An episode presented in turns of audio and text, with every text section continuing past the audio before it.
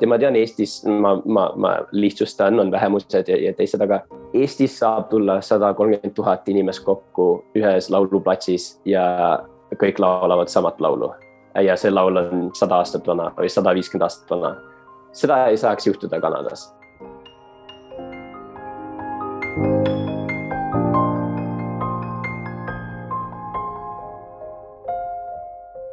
tervitused Tallinnast. Minu nimi on Rainer Sterfeld ja te kuulate saatesarja Globaalsed eestlased, kus meie eesmärgiks on luua mälupilt sajast silmapaistvast Eesti inimesest üle maailma, üksteiselt õppida ning tuua meid teineteisele lähemale.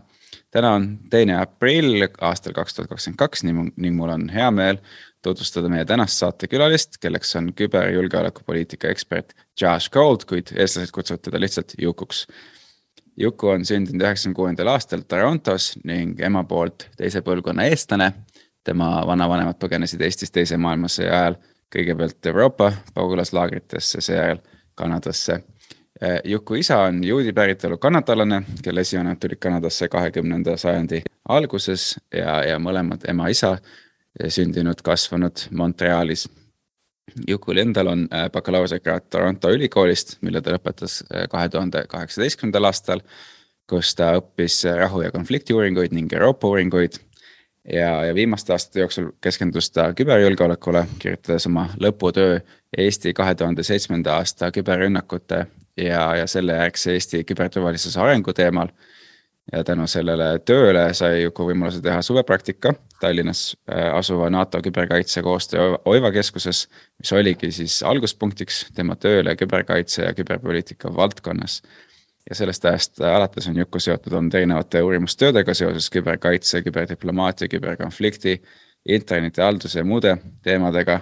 ja seda nii Toronto ülikooli kodanikulabori juures kui ka konsultandina Eesti Välisministeeriumi küberpoliitika osakonnas, keskendudes ÜRO küberteemadele. praegu elab Juku Ottawas, töötades Kanada valitsuse jaoks ja ta on olnud aktiivne Kanada ja üleilmse Eesti kogukonna tegevuses praegu juhatuse liige eestlaste kesknõukogus Kanadas ning ka MTÜ Ülemaailmse Eesti noortevõrgustikus Äh, akadeemiliselt kuulub Juku operatsioon Ratalia Toronto koondisesse.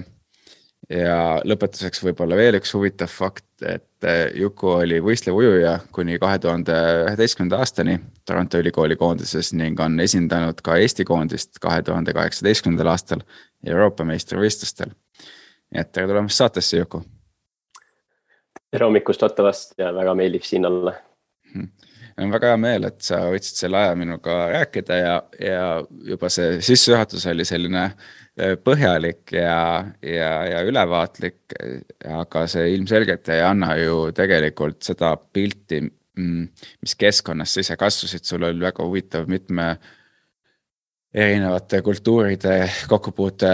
ähm, kogemus ja võib-olla sa alustakski sellest, et, et räägi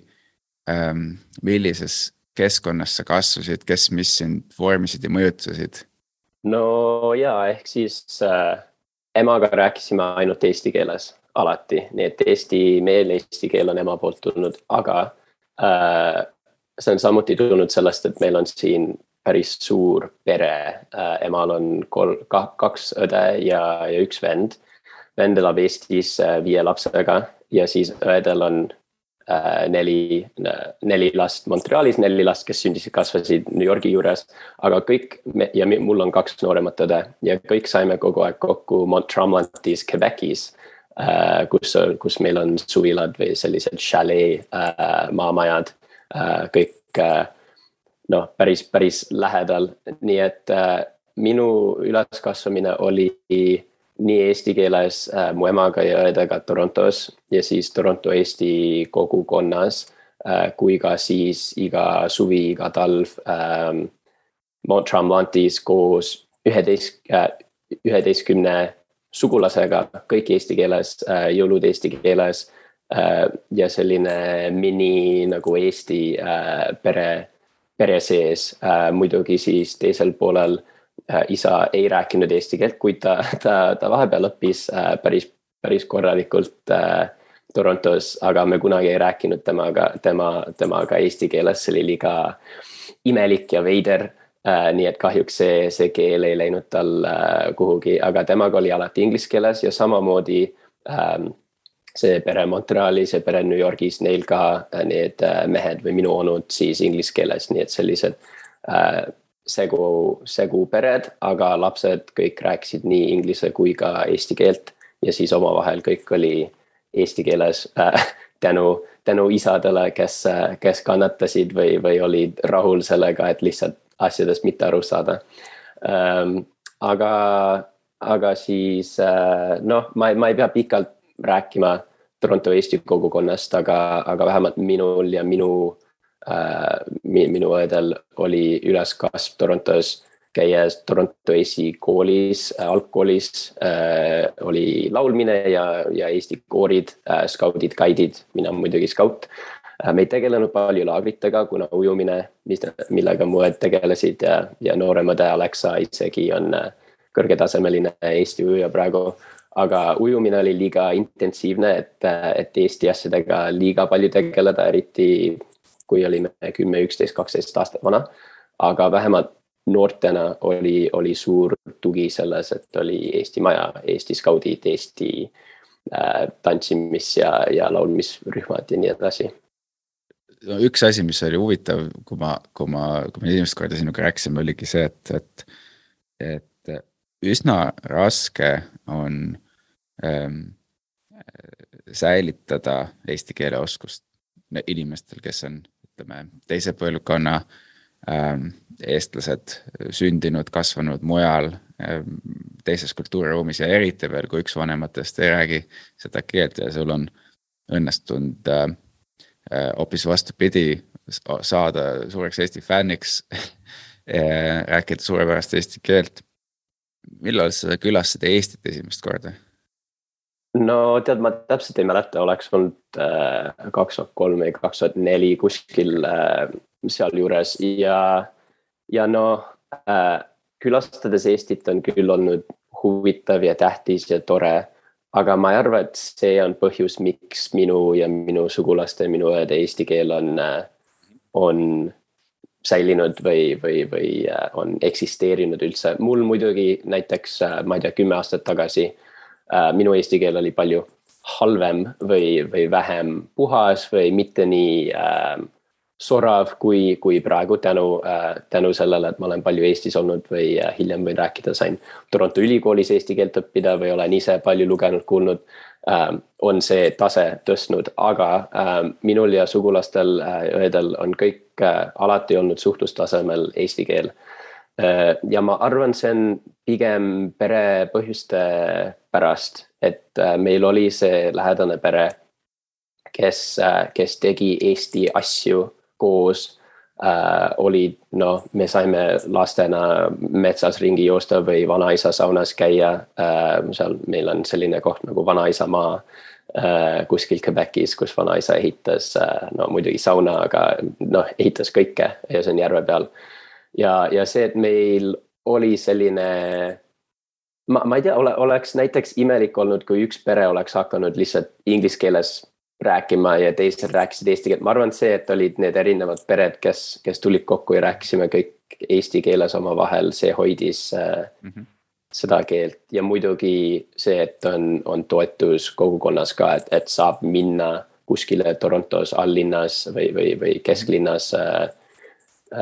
mingisuguse Eesti peole äh,. see, see aitab võimaldada seda säilimist äh, ja, ja keele arenemist ja oma, oma isa poolt, et ähm, ütleme juudikultuuriga kokkupuutepunktid, et ähm, kuidas, kuidas see on sind äh, mõjutanud? Ja no see oli algusel äh,, ma ütleks, et suurem, kuna isa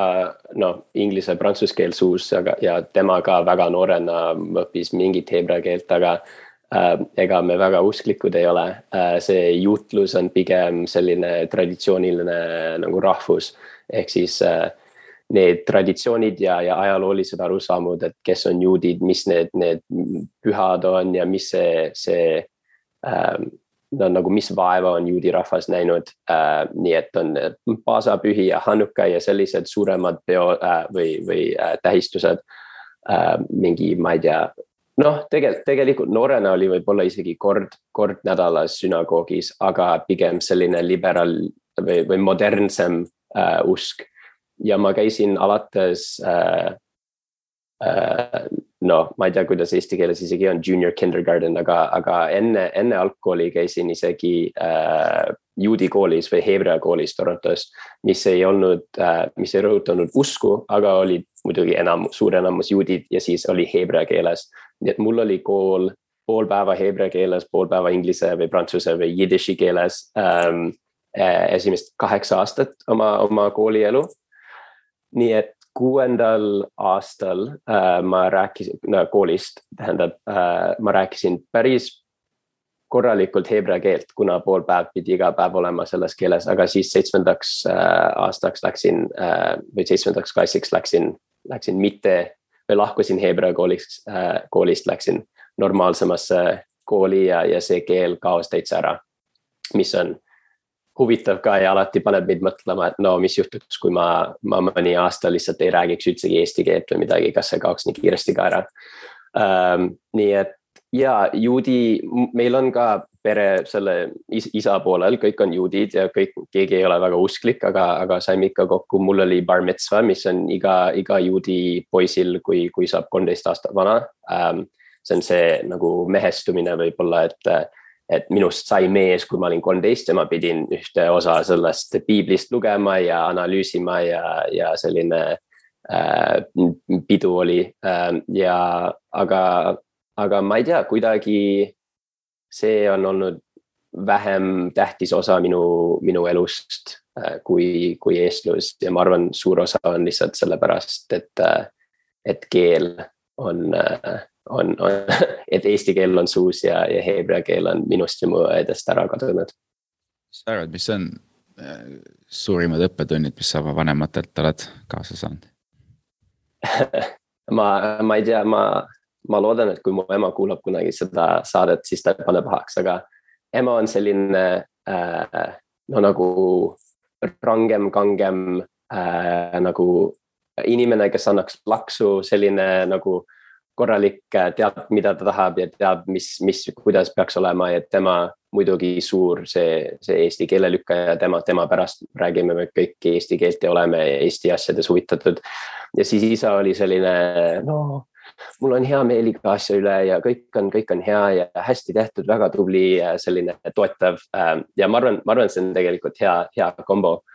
Ähm, aga, aga need noh ma ei tea, õppetunnid võib-olla lihtsalt äh, on, on perest tulnud ja, ja nähes, kui või vaadates, kui lähedaselt meie oma pere vahel oleme asju teinud ähm,, kuidas, kuidas need keeled või isegi isa poolt ka siin nagu, et äh, need, need pühad, mida oleme koos pühitsenud äh, isa perega äh, iga aasta, juudi uusaasta ja see Hanuka ja teised äh,. Need on ka kõik nagu noh, need, need, need on andnud mulle ja, ja minu õdedele näiteks äh, arusaam sellest, et kes me oleme ja kust me oleme tulnud. ja need kaks rahvad, juudid ja eestlased, neil on äh, mõlemad olnud, nad on, nad on mõlemad päris palju vaeva näinud ajalooliselt, nii et selline ühine arusaam sellest, et kui väärtuslik on selline elu, mis meil on Kanadas äh,, kus me oleme üles kasvanud see, et nagu ma ei ole kunagi mingit nagu väga karmi olukorda läbi elanud, aga ma olen teadlik sellest, et mis minu juudi äh, esivanemad ja mu Eesti esivanemad nagu, millest nemad pidid läbi elama. see on, see on võib-olla meie sees toetanud seda tunnet, et kui väärtuslik on olla, kes me oleme äh,. ja ma ei, ma ei tea, kas see on selline õppetund või pigem identiteedi loomine, aga see oleks minu vastus, mida ma sulle pakuksin selle kohta. kui sa lõpetasid eh, keskkooli ära, siis eh, millised valikud sul olid, mis sind huvitas ja, ja, ja kuidas sa siis sattusid õppima seda, seda, mida, mida ma oma sissejuhatuses rääkisingi, et, et Euroopa uuringuid ja, ja, ja konflikti ja, ja rahu uuringuid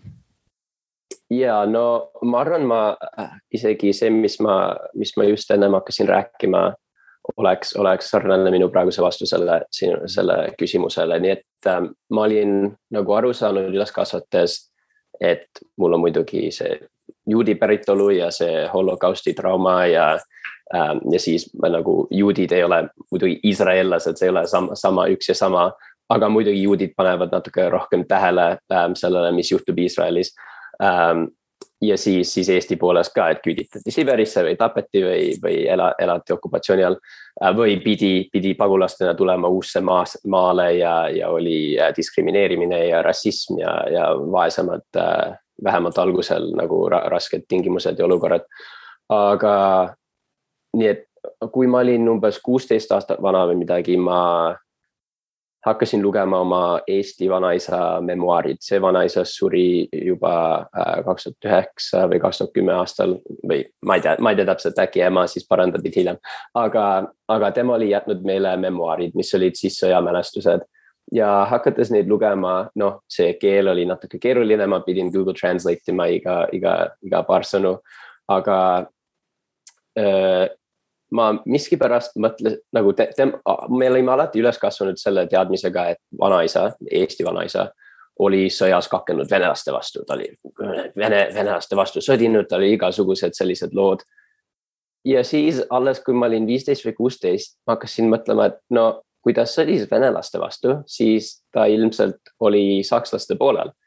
Äh, ja oligi memuaarides noh, nagu sarnane lugu kui, kui paljude eestlastega ähm, al, al, al, alustati kas omakaitses või kuskil äh, äh, rühmas, Eesti rühmas ja siis sakslased tulid pärast Vene esimest okupatsiooni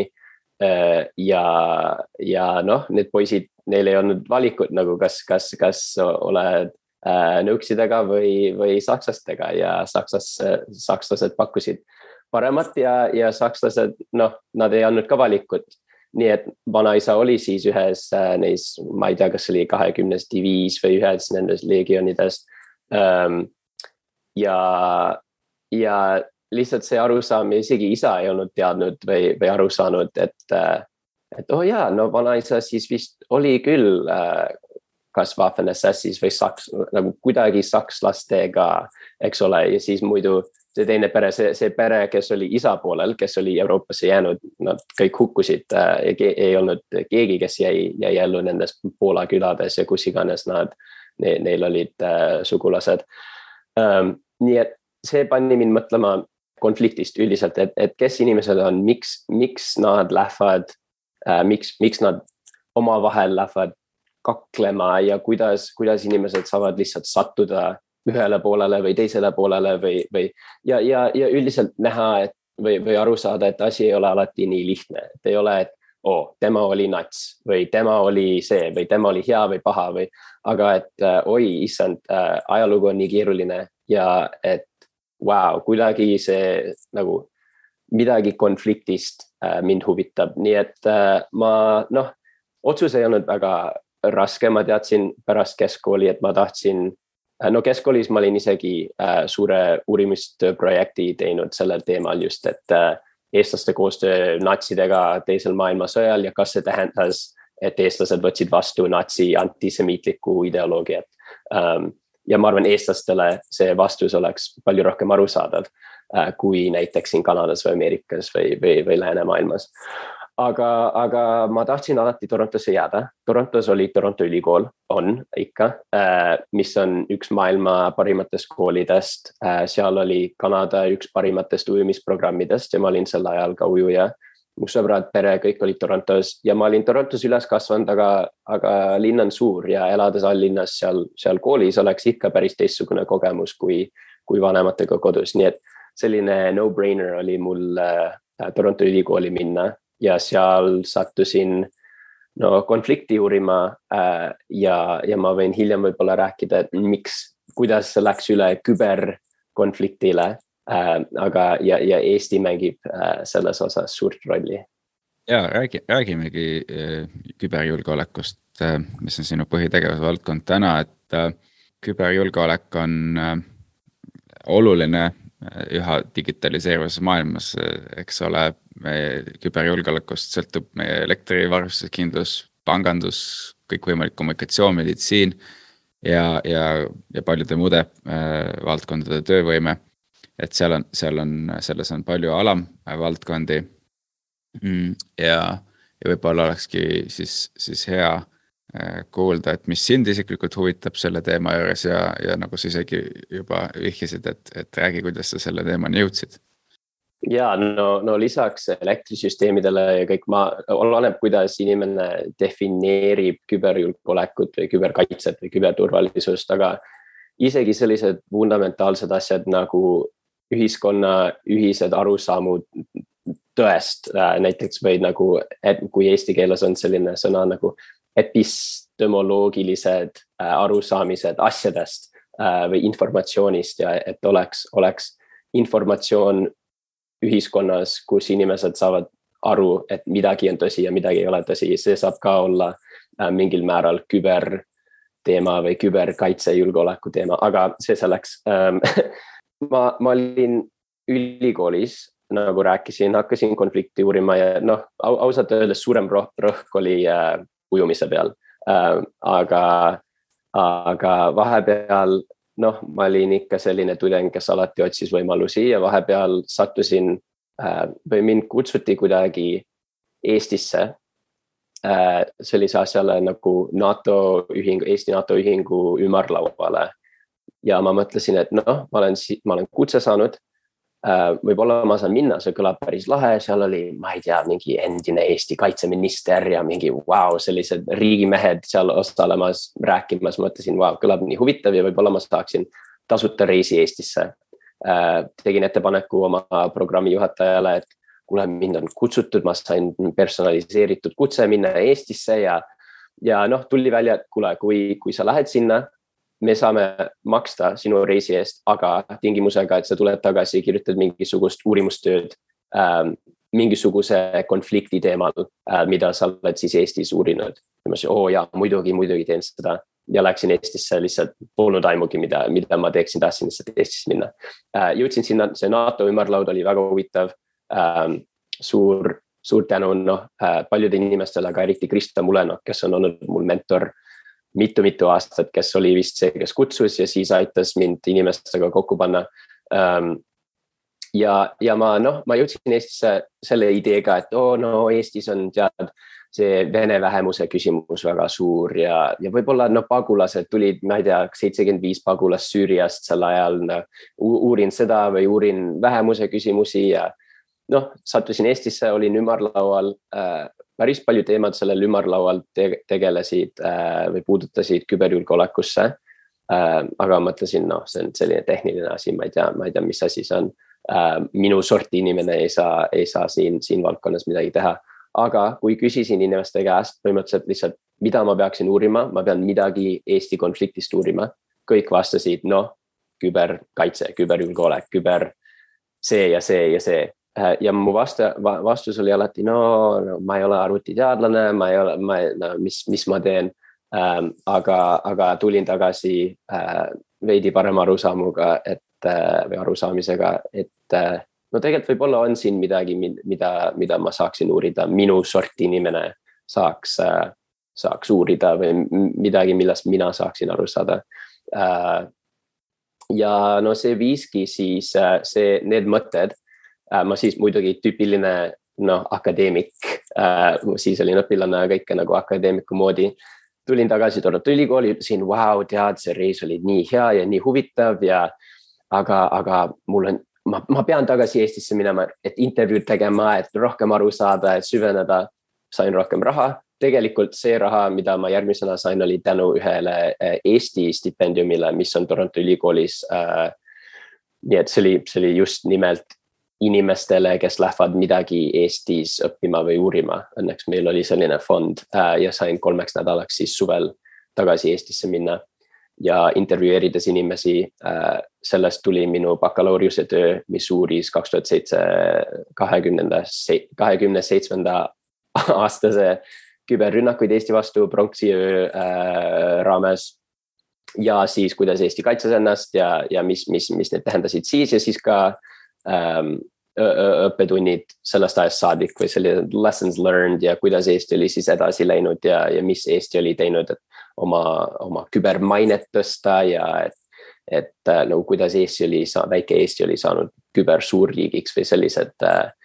äh, noh, teemad, mis on Eestis vähemalt selles valdkonnas päris normaalsed, aga mul noorema õpilasena olid, olid, olid päris huvitavad. ja noh äh,, asjad hakkasid siis nagu edasi minema, oli äh,, äh, ma intervjueerisin vahepeal äh, ühte Merle Maigret äh,, kes siis tutvustas mind äh, ühele Illimarile, Illimar Lepik von Viren, kes oli siis minule suureks toetajaks ja mentoriks ja julgustas mind äh, kandideerima praktikakohale, mis ei, sel ajal äh, ma, ma ei, ma ei, ei eksisteerinud isegi täpselt selle, selles vormis, nagu ma oleks tahtnud teha. Ilmar ütles, noh, nagu kirjuta meile ja, ja ütle, mis su huvid on ja mis sa pakuksid ja vaatame, mida me saame teha ja tema, temast siis sai minu ülemus, ma läksin sinna äh,. ma arvan muidugi Merle nõusolekuga ja toetusega äh, ja ma sain maailma tipptasemelises keskuses äh, koos esindajatega igasugustest NATO riikidest, ma sain olla just selles valdkonna sees iga päev, rääkida inimestega, kas Illimariga ise oma, omavahel või, või ka teistega. et paremini aru saada, mis, mis on küberjulgeolek ja küberkaitse, mis see tähendab äh,. ja hakkasin aru saama, et tegelikult siin on päris hu palju huvitavaid külge, mis, mis, mille jaoks ei ole vaja see arvuti programmeerimistaust äh, kuigi ma võin hiljem rääkida, et see on, ma, ma õpin rohkem sellest ka ja, ja on, on küll tähtis, et, et aru saada nendest asjadest, aga see oli võib-olla minu, minu viis, et kuidas ma sain sinna, nii et äh, ühesõnaga, äh, mis ma olen aru saanud, et eestlased ütlevad ühesõnaga või see termin ühesõnaga ja siis tulevad mitu-mitu-mitu sõna, aga ühesõnaga, see oli tänu Eesti noh, Eesti inimestele ja siis ka asjadele, mis Eesti tegi selles valdkonnas või, või Eesti ajaloole. Äh, et minul tuli see huvi üldse ja et ma hüppasin nagu konfliktist ja võib-olla vaatasin nagu konflikti Ida-Euroopas või, või ka Iisrael-Palestiinas vaatasin vähe, vahepeal, aga hakkasin siis keskenduma küberkonfliktile ja, ja nende äh, selle, selle küljele. kuna sa uurisid seda kahe tuhande seitsmenda aasta ähm, küberrünnakut ja Eestil on selline unikaalne nii geopoliitiline positsioon kui ka, kui ka IT positsioon. et siis, siis sellest samast äh, küberrünnaku kaitsest, eks ole, kasvas välja see Tallinn manual. ja, ja siis ma taht-, tahtsingi küsida su käest, et kuidas sina hindad äh, Eesti taset küberjulgeolekus ja, ja Eesti võimalust maailmas seda valdkonda vedada ma, no ma alguses disclaimer iksin lihtsalt, et ma ei ole nüüd paar aastat äh, süvenenud palju või, või jälginud nii palju äh, seda, mis Eestis on toimunud äh,. noh, ja tähendab, et ma olen küll uudiseid jälginud ja, ja Twitterit vaadanud, aga, aga ennem ma uurisin seda teemat kui uurijana ja võib-olla isegi nagu elasin selles ja nii, et ma ei ole nii kursis, kui vanasti olin, aga, aga Eesti tase, noh selle küsimusele vastata on vaja aru saada, et millest me räägime võib-olla, ega, ega Eesti ei ole mingi ähm,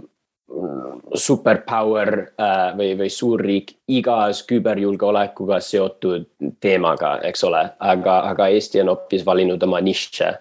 ähm,. muidugi suur osa sellest on digiriik äh,, mis juba äh, no üheksakümnendatel aastatel algas, aga siis kahe tuhande esimesel aastal ID-kaardiga ähm, nagu hak-, hakkas käima äh,. nii et Eesti on ehitanud üles muidugi sellise digitaalse taristu, mis võimaldab igasuguseid asju, kas lihtsalt äh, tõhusamalt tegutseda või, või äh, turvalisemalt või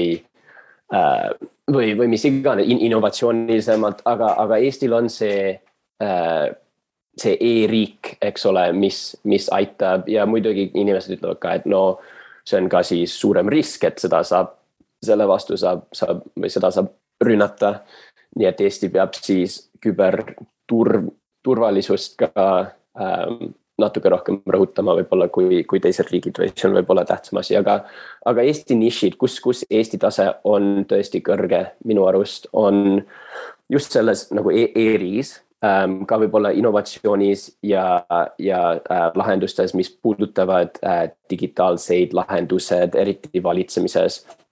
äh,. samuti küberdiplomaatias ka, kui saab, saab nii öelda, see on, tegelikult on see lihtsalt diplomaatia, aga, aga kõlab äh, cool im, et öelda küberdiplomaatia. Eesti paneb või, või toob esile või paneb laua peale alati uued ideid äh,, uued ettepanekud, et kuidas me saaksime ähm, kuidagi midagi lahendada. Ja me nägime seda ÜRO-s eelmisel aastal, kui Eesti tõstatas äh, küberteemad esimest korda ähm, uh, General Assembly's tõstis ÜRO-s kõrgetasemelisel äh, küberteemad ja olid teised näidised, millest äh,, mida ma, ma, ma, täpselt ei mäleta, aga Eesti on toonud teiste riikidele äh,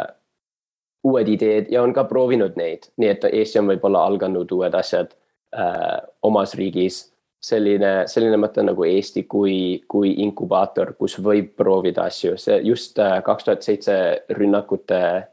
ka seoses äh, Eesti, ma, ma arvan, et olid olnud teised riigid, kes olid äh,, kelle vastu olid olnud küberrünnakud enne kaks tuhat seitset. aga Eesti läks täitsa avalikuks ja avalikustas peaaegu kõiki detaile sellest, et mis juhtus ja hakkas rääkima ja ütles, kuule, see on, mida me oleme läbi elanud, see on, miks see juhtus, vaadake maailm, siin on ohud. Äh, see nagu võib-olla isegi selline branding või marketing, et, et Eesti müüs seda hästi, on, see on üks külg, teine on äh, läbipaistvus äh, oma rahvale ja, ja maailmale, et meil on digiriik. kui tulevad probleemid selle vastu või, või rünnakud selle vastu, me lubame oma, oma inimestele, et me vähemalt jagame nii palju kui, kui võimalik ja, ja ütleme, et mis on toimunud, kuidas edasi minna ja ma arvan äh,, võib-olla isegi selle tõttu nägime pärast kaks, kaks tuhat seitse, kahe tuhande seitsmet Äh, nägime, et äh, Eesti inimeste usaldus e-riigis kasvas või, või vähemalt kasutamine, äh, et, et eestlased kasutasid need e-lahendused ja e-valimise süsteemid isegi rohkem kui varem. Sõltumata sellele, et, et, et oli tulnud selline suurem rünnak või, või, või, või mis iganes. Ähm, aga ja kokkuvõttes Eesti tase on, ma ei, on muidugi paljud asjad, millest millest ma täpselt ei tea, ma ei, ma ei tea, kuidas Eesti tase on näiteks äh, luures või kaitses või, või küberoperatsioonides äh, suhtes ja, ja need võib-olla, nende jaoks on võib-olla vaja liitlased, nii et kõik sõltuks selles, et kui hästi Eesti on oma liitlastega koostöös ja, ja, ja niimoodi. Ja selles mõttes, et või selles suhtes see, et me oleme NATO-s äh,, Euroopa Liidus ja äh, et meil on lähipartnerid äh, teiste, teiste riikidega äh, on, on, on võib-olla suureks abiks, aga Eesti nišš kui selline avalik e-riik, mis on kogenenud küber, mitte päris kübersõda, aga küberprobleemid äh, ja siis on nendest läbi, läbi elanud ja mis toob maailma kokku, et rääkida sellistest küberasjadest ja pakub uusi ideid ja kelle innovatsioonisektor võib, võib uusi asju proovida, mis on siis isegi võib-olla riigi tasemel adopteeritud ja, ja proovitud. Äh, ma arvan, see on, kus, kus Eesti tase selles valdkonnas on, on päris kõrge ja ma arvan, see on, see on kaval, aga ma arvan, see on ka praktiline ja efektiivne ja vajalik äh, äh, riigile nagu Eesti, mis on, mis on väga väike. ja samuti viimane point oleks lihtsalt see, et Eesti on digitaliseerunud ja ehitanud üles e-riigi mis on kooskõlas demokraatiaga ja privaatsuse väärtustega, vähemalt nii nagu mina olen aru saanud. et, äh, et meil, meie, kui ma võin äh, meie öelda e eestlaste kohta, ähm, oleme üles ehitanud sellise riigi, kus need inimeste andmed on kuskil äh, internetis või, või, või on salvestatud igal pool või on riigi Äh, kontrolli all mingil määral, aga see süsteem on ehitatud privaatsusega ja, ja nagu äh, inimõiguste kaitsega meeles ja, ja vabadustega äh, meeles, nii et võib-olla see, see vastus võib äh,, võib pakkuda midagi Eesti tase suhtes. mis sa, mis sa arvad, mis on, milline näeb välja küberjulgeolek äh, tulevikus? kümne, viieteist aasta pärast, mis on selle valdkonna tulevik ja mida sa ise, mis rolli sa ise selles valdkonnas äh, mängida tahaksid? No see viimane küsimus on palju kergem mul vastata äh,. mul on alati selline äh, cringe või kringeltunne olnud, et äh,, et kuulda, kui inimesed ennustavad, mis, mis tuleb tulevikus ja äh, aga, aga no üldisemalt ja ma, ma rõhutan, et ma üldistan siin äh,. küberjulgeolek on noh, on riigi tasemel vähemalt, on need riigid nagu Eesti, nagu Kanada, kes äh,, kellele on väga tähtsad ähm, inimõigused, sõnavabadus äh,, vaba informatsioon äh,, sellised asjad, mis tulevad avatud internetiga ja, ja avatud küberruumiga. ja siis selle vastu on see mudel, mis on võib-olla Hiina, Vene autoritaarsemate riikide poolt, kus neil on see kõige suurem hirm või kõige see nagu ne, nende jaoks on, on just see risk on, on, et vaba informatsioon võiks vabalt levida ja et inimesed võiksid guugeldada, mis iganes nad tahaksid ja et neil, neil oleks sõnavabadus ja, ja et see informatsioon võiks levida. nii et me näeme seda küberruumis äh, diplomaatiliselt, et, et kui, kui riigid proovivad reegleid ja norme selles valdkonnas kokku panna, et, et, et mis riigid pea, tohiksid teha või, või mis on okei okay,, mis ei ole, mis, mis on äh,, kuidas, kuidas rahvusvaheline õigus äh, äh, on äh, või nagu peaks, peaks, mis rahvusvaheline õigus peaks tähendama küberruumis äh, läbi, läbi maailma. nii et ma arvan, me näeme rohkem,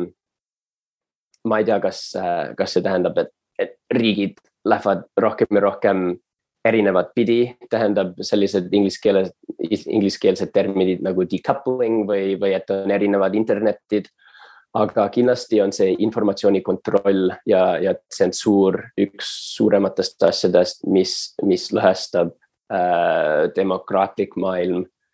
äh, autoritaarse maailma äh, poolt. ja nii et ma arvan, et, et noh, vaadates tulevikku et see teema säilib edasi ja et see on selline fundamentaalne asi, kus need väärtused, mille jaoks meie noh, kakleme või, või mida me proovime edendada ja, ja kaitsta, on, on väga erinevad või, või just vastupidi, on, on ohud äh, riikidele nagu Venemaa ja, ja Hiina ähm,. nii et see on võib-olla selline big picture vaate äh, ja siis puudutades mind äh, või, või minu suhtes, et mida ma tahaksin teha, noh, ma olen, ma olen praegu tööl Kanada valitsuses ja väga-väga huvitav töökoht, mis mulle väga meeldib, aga Ottawa on, on, on igav äh,. mul, mulle ei meeldi Ottawas elada äh,. ja ma ei taha lihtsalt sama, sama kohas olla liiga kaua, ma tahaks endal, ma tahaks paremini aru saada, ma vaatan minu töö, töökogemusi ja töö, töökohti nagu noh, just kogemused, kus, mil, mille kaudu ma saan erinevaid asju õppida. ma olen ikka, vähemalt minu arvates noorem inimene ja, ja ma proovin ikka sellest küberjulgeolekust või kübermaailmast, küberruumist aru saada ja mis need erinevad küljed on ja mis, mis, mis asjad tähendavad ja kuhu, kus ma tahaksin täpselt panustada või, või keskenduda. nii et ähm, ma, ma tahaksin kunagi äh, näiteks rahvusvahelise organis-, kaitseorganisatsiooniga mingisugust tööd teha, näiteks NATO, et aru saada, kuidas liitlased küberruumis äh, töötavad koos, jagavad informatsiooni, kuidas, kuidas saab küber, kuidas saab teha näiteks küberoperatsiooni või kuidas saavad küberasju tehtud, kui on näiteks kolmkümmend riiki laua taga ja kuidas need protsessid töötavad. mul oleks huvi ka diplomaatilisel tasa, tasemel vaadata, kuidas, kuidas riigid proovivad nii ennast promoda kui ka kaitsta, kui ka teiste riikidega töötada, kui ka nende huvid kinnitada rahvusvahelises õiguses või normides. äh,. nii et äh, ma olen alati ütelnud ja minu praegused tööandjad teavad ka väga hästi, et, et ma olen alati tahtnud Eestis elada ja töötada ja ma räägin nüüd nagu pikemalt kui lihtsalt mingi praktika. aga nii, et ma väga loodan, et kunagi ma oleks ka Eestis ja saaksin kuidagi ähm, Eesti e-edu äh, aidata või, või arendada ja, ja mingi väga väikest panust äh, sellesse äh, eduloosse teha. ja siis ma arvan ka küber, küberruumis on vähemalt, kui vaatad internetti, interneti haldust või, või valitsust ähm,. see, see taristu või infrastruktuur, mille peal internet toimib, on omatud ja, ja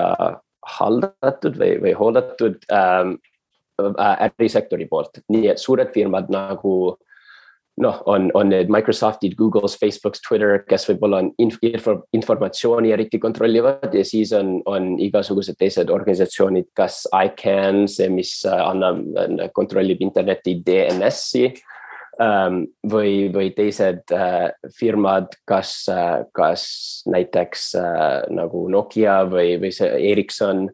aga, aga ma arvan, mingil määral oleks väga huvitav ka olla ärisektoris, mitte lihtsalt sellises väikses firmas või, või küber äh, nagu see cyber threat intelligence'i poolel, aga, aga tegelikult mingis firmas, mis mängib väga suurt rolli selles, et kuidas küberruum on ja on kujundatud ja eksisteerib, ma arvan, see oleks, see oleks ka huvitav äh,. aga, aga eks me näeme ja, ja siin on, on nii palju asjad, mis, mille ette saab panna see küber prefix äh,. et ma olen nagu nalja teinud sellest, et küberdiplomaatia, aga, aga väga paljud asjad saavad olla äh, küberi asjad ja, ja lõppude lõpuks ma loodan, ma olen ka nagu seda esile toonud, et minu huvid on kõige suuremalt on, on huvitatud küsimustes nagu liberaaldemokraatia ja poliitilised süsteemid ja, ja see suurem geopoliitiline küsimus, et kuidas äh,, kuidas kaitsta ja edendada inimõigused ja vaba ühiskond. Ja ma ei räägi siin poliitkorrektsusest või, või äh,, või nagu äh, poliitikast aga, aga hoopis äh, poliitilised süsteemid, et, et vähemalt mina tahaksin elada äh, ühiskonnas ja, ja riigis, kus, kus inime, inimesed on võrdsed ja, ja õigused on kaitstud. ja kuidas siis tehnoloogiaga või, või võib-olla kuidas siis kontrollida või tuua tehnoloogiat sellisesse poliitilise mudelile, mis kaitseb inimesi ja mis, kus on väärtused, mis on ähm, väärtused nagu õiglus, õigusriik ja, ja inimõigused, sõnavabadus. aga samuti, mis on kaitstud siis äh, võib-olla asümmeetriliste äh, ohtude vastu. kui sa mõtled äh, raamatute peale, ma ei tea, kas see nüüd peab olema sellest valdkonnast, kus, kus sa toimetad või mitte, aga aga millised võiks olla mõned, äh, mõned raamatud, mis on sinu mõtlemist mõjutanud, äh, mida sa soovitaksid saate kuulajatele? Ma olen väga suur raamatusõber, nii et äh, see on, see on hea küsimus, raske küsimus. aga ma arvan, ma saaksin need, need mõtted, mida ma just proovisin eesti keeles väljendada äh, seoses liberaaldemokraatiaga. ma võiks äh,, ma, ma võiks mõne, mõne raamatu esile tõsta ja, ja kindlasti ma siis kahetsen hiljem, et ma, ma unustasin mainida seda või seda, aga noh äh,, need, tähendab raamatud, mis on mind väga mõjutanud üldiselt äh, on ja ma ei taha nii klišee olla, aga see George Orwelli tuhat üheksasada kaheksakümmend neli, um, Arthur Kessler Darkness at noon uh,, ma ei tea, pimedus lõuna ajal uh, uh, Philip Roth uh, Plot Against America ja võib-olla isegi Margaret Atwoodi uh, Handmaid's Tale, need on kõik nagu mulle andnud arusaamise või, või mõjutanud mind mingil määral, et, et saada aru, kui, kui Äh, kui väärtuslik on see, et me elame vabades ühiskondades ja mis saaks juhtuda, kui me, ma unustan eestikeelne sõna uh, complacency jaoks, aga võib-olla enesehoiakuga mugavus nagu kui, kui me unustame seda, et mis teeb meie ühiskonnad väga väärtuslikuks ja, ja kui kaug-, mida me oleme saavutanud ja kuidas me oleme seda saavutanud. et kuidas me saaks võib-olla tagasi astuda ja mis, milline see paistaks ja, ja kuidas see võiks näha um, ja, ja muidu siis on, on ka muidugi raamatud, mis on aidanud mul äh, spetsiifilisematest asjadest aru saada nagu ähm, ja, ja just, just nimelt kui ma räägin, et mul on huvi konfliktis, see on suureks osa, suurest osaks või suur osa sellest on sellepärast, et ma tunnen, nagu ma olen aru saanud mõnest osast minu ajaloost või minu esivanemate ajaloost ja sellest traumast, näiteks holokaustis või, äh, või Eesti äh, nendest asjadest, mis, mis eestlased on, on läbi elanud okupatsioonide ajal. Uh, nii et Eli Wiesel Night uh,, mis on holokaustist Toni Morrisoni Beloved, kus ma olen ma sain sellest aru, selle Ameerika orjusest ja just see chattel slavery, kus neid, neid mustanahalisi müüdi ja uh, Joseph Conrad Heart of Darkness, mis on kolonialismi uh, suhtes väga uh,, väga võimu, võimas uh, lühike lugu ja võib-olla isegi ka autorid nagu Kafka ja Buzati, kes on bürokraatiast võib-olla kirjutanud, aga bürokraatia saab olla selline väga äh, noh, nagu ka väga paha äh, ja ohtlik asi. nii et äh, ma, ma võib-olla lõpetan sellega lihtsalt, et ma olen hakanud Eesti ilukirjandust ka lugema ja eestikeelseid raamatuid aga neid on, neid, ma olen, ma olen nendest väga vähe lugenud, nii et kui, kui keegi on üldse viitsinud mind, mind nii kaua kuulata, siis, siis ma väga julgustaksin soovitusi, et mind on internetis väga kerge leida, aga ma olen, ma alati ootan soovitusi ja eriti kui oleks eestikeelseid raamatuid, mida saaksin lugeda, sest ma loen inglise-prantsuse keeles kogu aeg, aga eesti keel on, äh, on nagu vaikseks või, või on, on vähe ei ole palju Eesti raamatuid lugenud ja kindlasti on seal ikka midagi, äh, mis saaks mind mõjutada. sellega me saame kindlasti aidata ja, ja, ja suured äh, tänud, et sa viitsisid selle, need raamatud, mis siin ütlesid ka niimoodi üles, üles lugeda, head, head, äh, head soovitused. Räägime Eestist ka. Ähm, sul kindlasti on tekkinud võimalust kirjeldada Eestit et kui sa, kui sa seda teed, mitte, mitte eestlastele, siis, siis kuidas sa kirjeldad Eestit? no see on, see on raskem küsimus äh, ja, ja ma arvan just sellepärast, et Eesti ei ole mu kodumaa, vähemalt veel ei ole. Äh, on olnud, ma ei tea, viis kuud või neli kuud noh, sõltub, kui, kui keegi küsib neid, küsib näiteks küberi asjadest, siis ma võin rääkida küberlugu ja seletada seda ja oo oh, ja no väga arenenud riik ja see, neil on see ja X-tee ja oo oh, blockchain. aga, aga pigem, kui keegi küsib Eesti kohta, ma pigem vastaks eestluse äh, seletusega, et mis tähendab olla eestlane või mis ja, ja see oleks väga seotud minu kogemustega Kanadas, et, et noh ma võib-olla isegi räägiksin näiteks lihtsalt äh,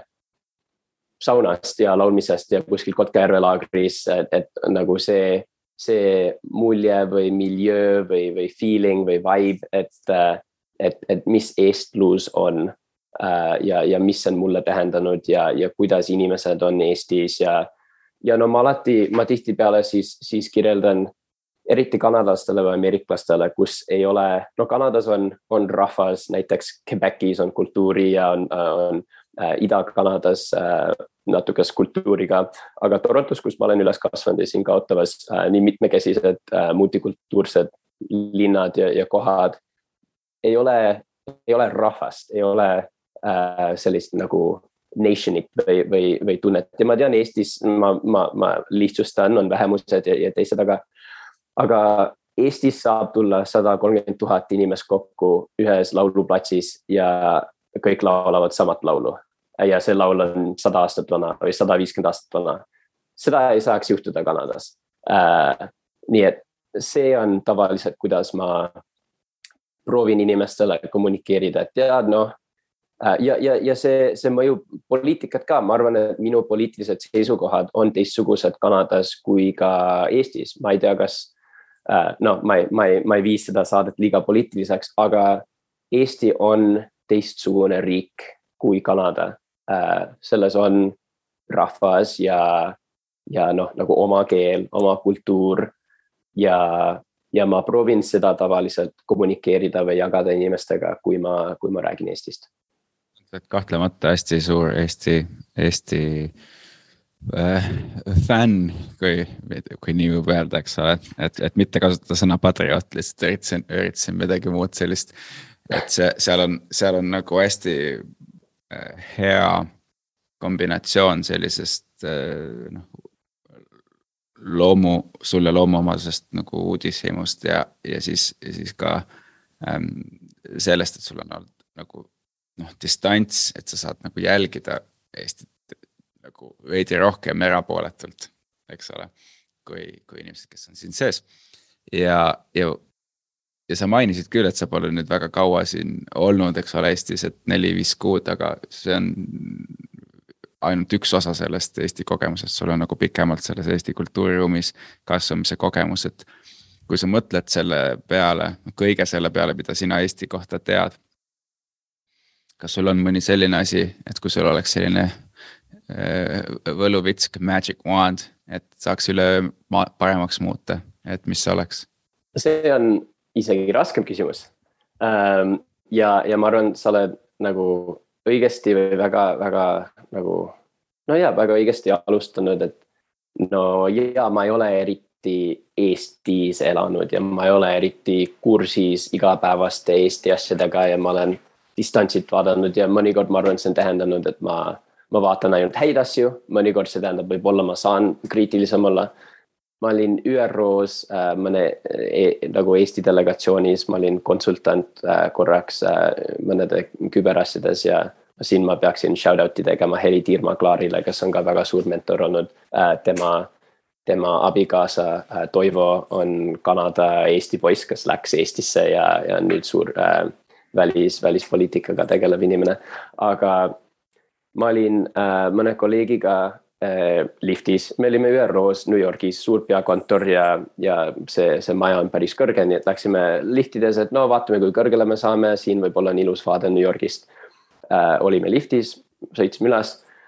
Ja vahepeal mingi, mingi härrasmees tuleb, tuleb lifti äh, meiega kaasa. Ja eestlased vaatavad alla põrandale ja ma ütlesin oh,, hello, how are you? Ja oh well, good. Ja noh hakkasime lihtsalt niisama rääkima, mees, mees läheb siis ära paar, paar äh, äh, no mõnel teisel korrusel. ja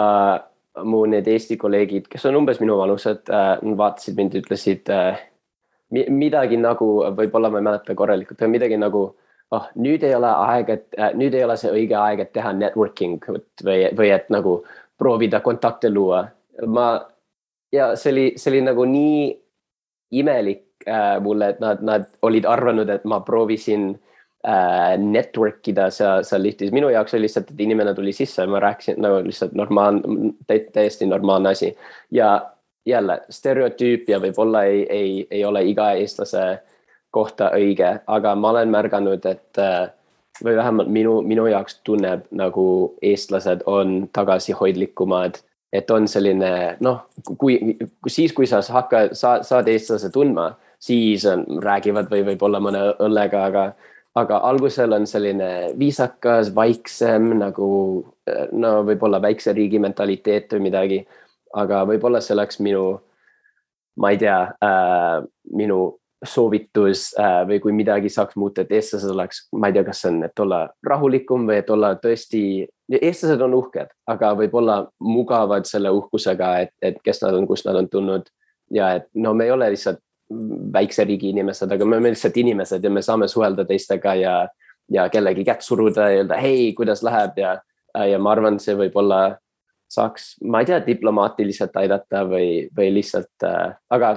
ma ei, jälle äh, võib-olla on igasugused ühiskonna probleemid, millele ma ei ole puutunud, aga see on see, mis tuleb mulle äh, pähe ja, ja vastan siis ausalt. ja, ja lõpetuseks küsiksin sellise küsimuse, et, äh, et Eesti Vabariik tähistas neli aastat tagasi sajandat sünnipäeva. kui sa mõtled järgnevale äh, sajandile, siis mis oleks sinu soov Eestile? ma arvan, sarnane soov, kui, kui ma sooviksin igale riigile, no võib-olla kaks osa, et esimest osa muidugi loodan, et Eesti säilib kui, kui iseseisev vaba riik. kus on eesti keel ja, ja nüüd eriti vaadates Ukraina olukorda, ähm, aga üldiselt aru saades geopoliitikast on see alati olnud selline nagu see, see ei ole garanteeritud, et Eesti püsib edasi iseseisva riigina. Ähm, aga kuid, kuid ma ei, ma ei karda kohe, et mida, midagi pahat, halba, halba juhtuks ähm,. aga mu, mu soov võib-olla oleks, et, et Eesti areneb edasi kui liberaaldemokraatiana jälle ma ei, ma ei räägi siin poliitkorrektsusest või soopoliitikast või, või sellisest political leftist või midagi, aga lihtsalt liberaaldemokraatiast võib-olla um, political philosophy mõistes, et, et institutsioon, Eesti on ikka noor, päris noor riik um, ja institutsioonid on noored ja et, et kohus ja, ja valitsus ja, ja luure ja kaitseagentuurid Äh, meedia, et, et kõik need institutsioonid, mis on väga tähtsad ähm, nii lihtsalt elule ja kaitsele ja, ja riigile, aga ka ähm, demokraatiale ja, ja õigusriigile ja, ja vabadustele. et need areneksid edasi ja ähm, liiguksid noh, demokraatlikus suunas edasi, mis ei ole alati kerge teha ja me saame vaadata Poolat ja Ungarit, kus institutsioonid on äh, noh, mõned äh, Äh, riigijuhid seal on võib-olla nõrgenenud nende võimekust, et kaitsta äh, demokraatlised väärtused. no ma arvan, see soov tuleb, soov tuleb sellest mitte, et e, mingist suuremast perspektiivist, aga lihtsalt minu usust, et liberaaldemokraatia on kõige parem viis, kuidas inimestega elada ja omavahel olla sellises nagu rahus, et, et konflikt äh, on välja äh,, konflikt on lahendatud sõnadega ja mitte, mitte relvadega ja, ja et, et omavahel inimesed saavad olla mugavad äh, iseendaga ja oma naabriga. ja äh,, aga muidugi äh, mu see esimene osa oli ka, et Eesti püsib Eestina ja eesti keelega ja, ja nii, et kuidas, kuidas need mõlemad kokku panna ja, ja luua. aga, aga selline, ma, ma arvan ausalt, et see oleks minu soov, mida ma sooviks iga, igale riigile lihtsalt, sest ma äh, vähemalt äh, oma kogemustega siin Kanadas äh,. see on äh, midagi, mis ma olen elanud ja siin ka meil on probleemid, aga, aga ma arvan, et see on väga tähtis ja, ja aitab pikas perspektiivis riigil olla edukas ja, ja inimestel elada nii, nagu nad soovivad. Juku äh,, suured tänud, et sa võtsid äh, nii palju aega, et et, et tulla rääkida oma lugu. Ähm, ma soovin sulle kõike kõige paremat ja edu, ma loodan, et sinu teed ristuvad Eestiga üha rohkem ja enam. ja, ja loodan, et me kohtume peagi. suured tänud ja suur au oli siin äh, rääkida ja olla, aitäh head kuulajad, te kuulasite saatesarja Globaalsed eestlased ning meil oli külas Juku Gold meie veebilehel globaalseseesed.org võib veeta tunde ja loodetavasti leiate sealt endale veel meelepärast, keda kuulata ja kui teil on mõtteid, kellega veel võiksime rääkida, siis kirjutage aadressil globaalsedestlased at gmail.com. Kuulmiseni.